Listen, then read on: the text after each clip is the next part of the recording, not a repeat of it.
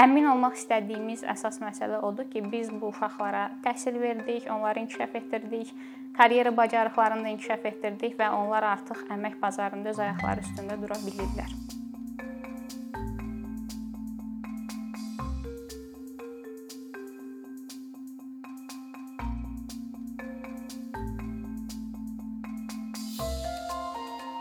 Qızlar oxusunun mexanizmi elədir ki, bu uzun proses çəkir. Biz məktəbli qızları 9-cu sinifdən başlayaraq himayəyə götürürük.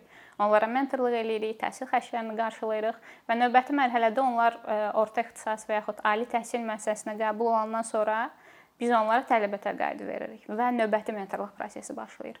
Nəticədə isə bizim tərəfdaşlığımız olan dövlət qurumları, şirkətlərdə, təşkilatlarda onlar təcrübə proqramına gedirlər Əmin olmaq istədiyimiz əsas məsələ odur ki, biz bu uşaqlara təhsil verdik, onları inkişaf etdirdik, karyera bacarıqlarını da inkişaf etdirdik və onlar artıq əmək bazarında öz ayaqları üstündə dura bilirlər.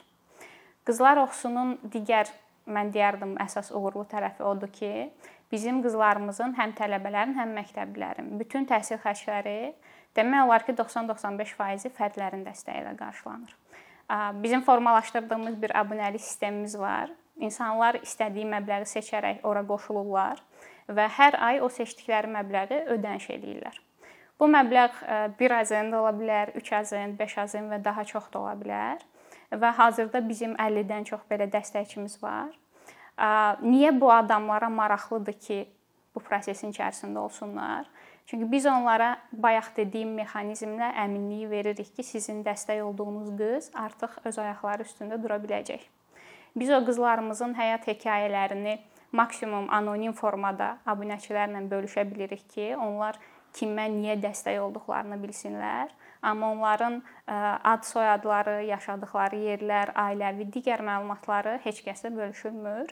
Artıq tələbə olduqda isə biz onların uğur hekayələrini belə deyək, həm abunəçilərimizlə, həm bizi izləyən insanlarla bölüşürük.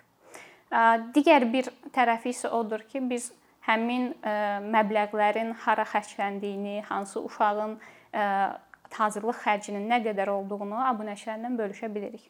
Aylıq hesabatlarımız olur, həmçinin daha geniş formada rüblük hesabatlarımız da olur.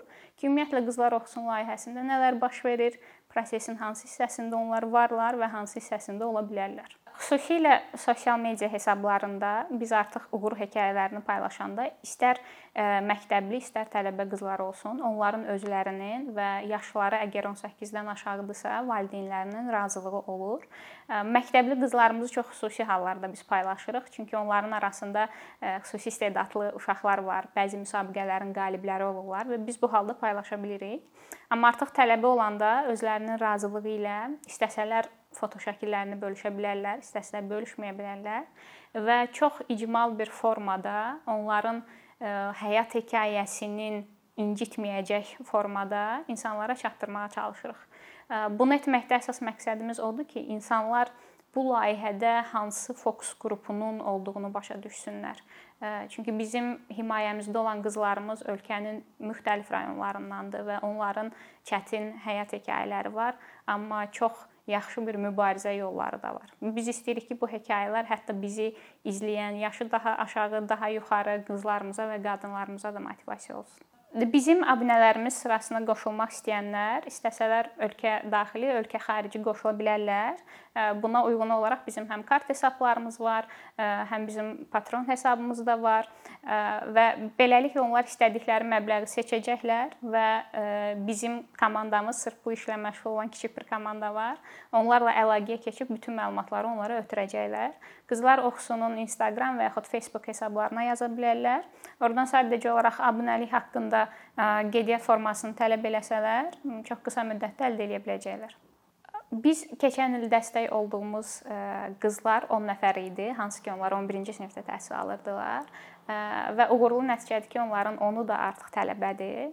Hal-hazırda bizim 77 məktəbli qızımız var bu il üçün və bu qızlar oxusun rekord rəqəmidir bu il üçün. Bundan əlavə olaraq bizim 40-dan çox tələbə qızımız var. Hazırda ya bizim müxtəlif layihələrimizdən faydalanırlar, ya da ki, təhsil təqaüdü alırlar.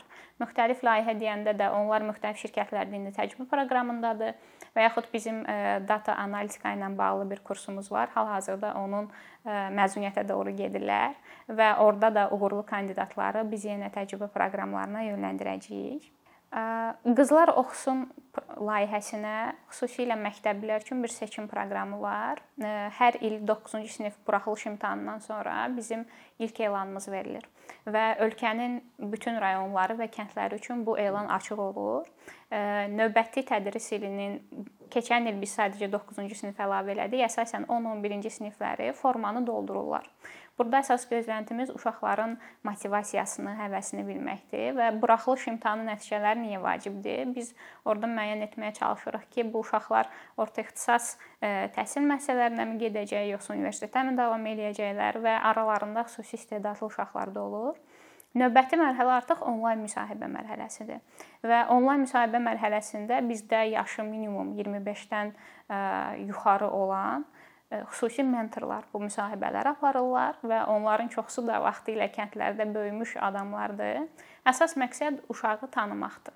Biz onun hekayəsini bilək, motivasiyasını ölçmüş olaq və müsahibə mərhələsini tamamlayandan sonra bizim son əsas məqamımız gəlir. Biz gedirik seçdiyimiz bütün qızların evlərinə.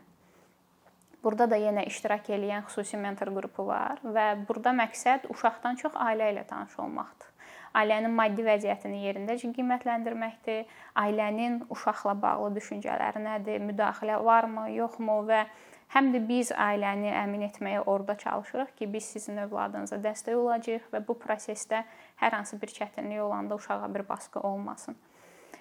O mərhələni keçəndən sonra artıq həmin qız bizim proqrama seçilmiş olur. Arada müəyyən sınaq imtahanları və s. olur, amma hər hansı bir problem olmasa, dərsdən yayınma olmasa, bu uşaq tələbə olana qədər və tələbə olduqdan sonra da layihənin himayəsində qalmağa davam eləyir. Bizə ən çox gələn sual budur ki, ailələr sizi necə qarşılayır? Erkən nikah hallarını çıxmaq şərti ilə ki, bu da çox olmur. Yəni 100-200 uşaqda biz bir dəfə tutaq ki, il ərzində bundan qarşılaşırıq. Ailələrin hamısı bu tərəfdaşlığa çox açıq olurlar.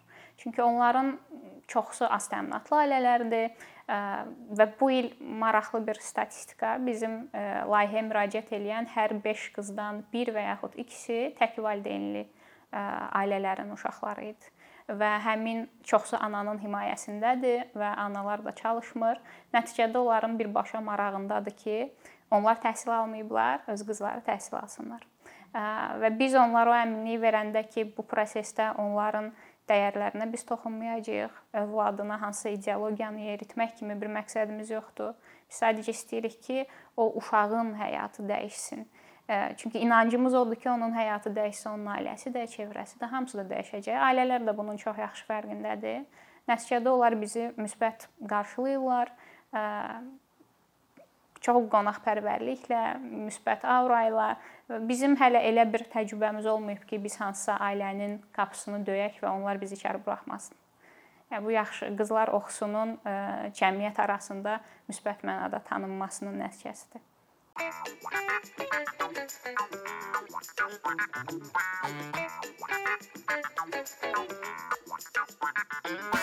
you.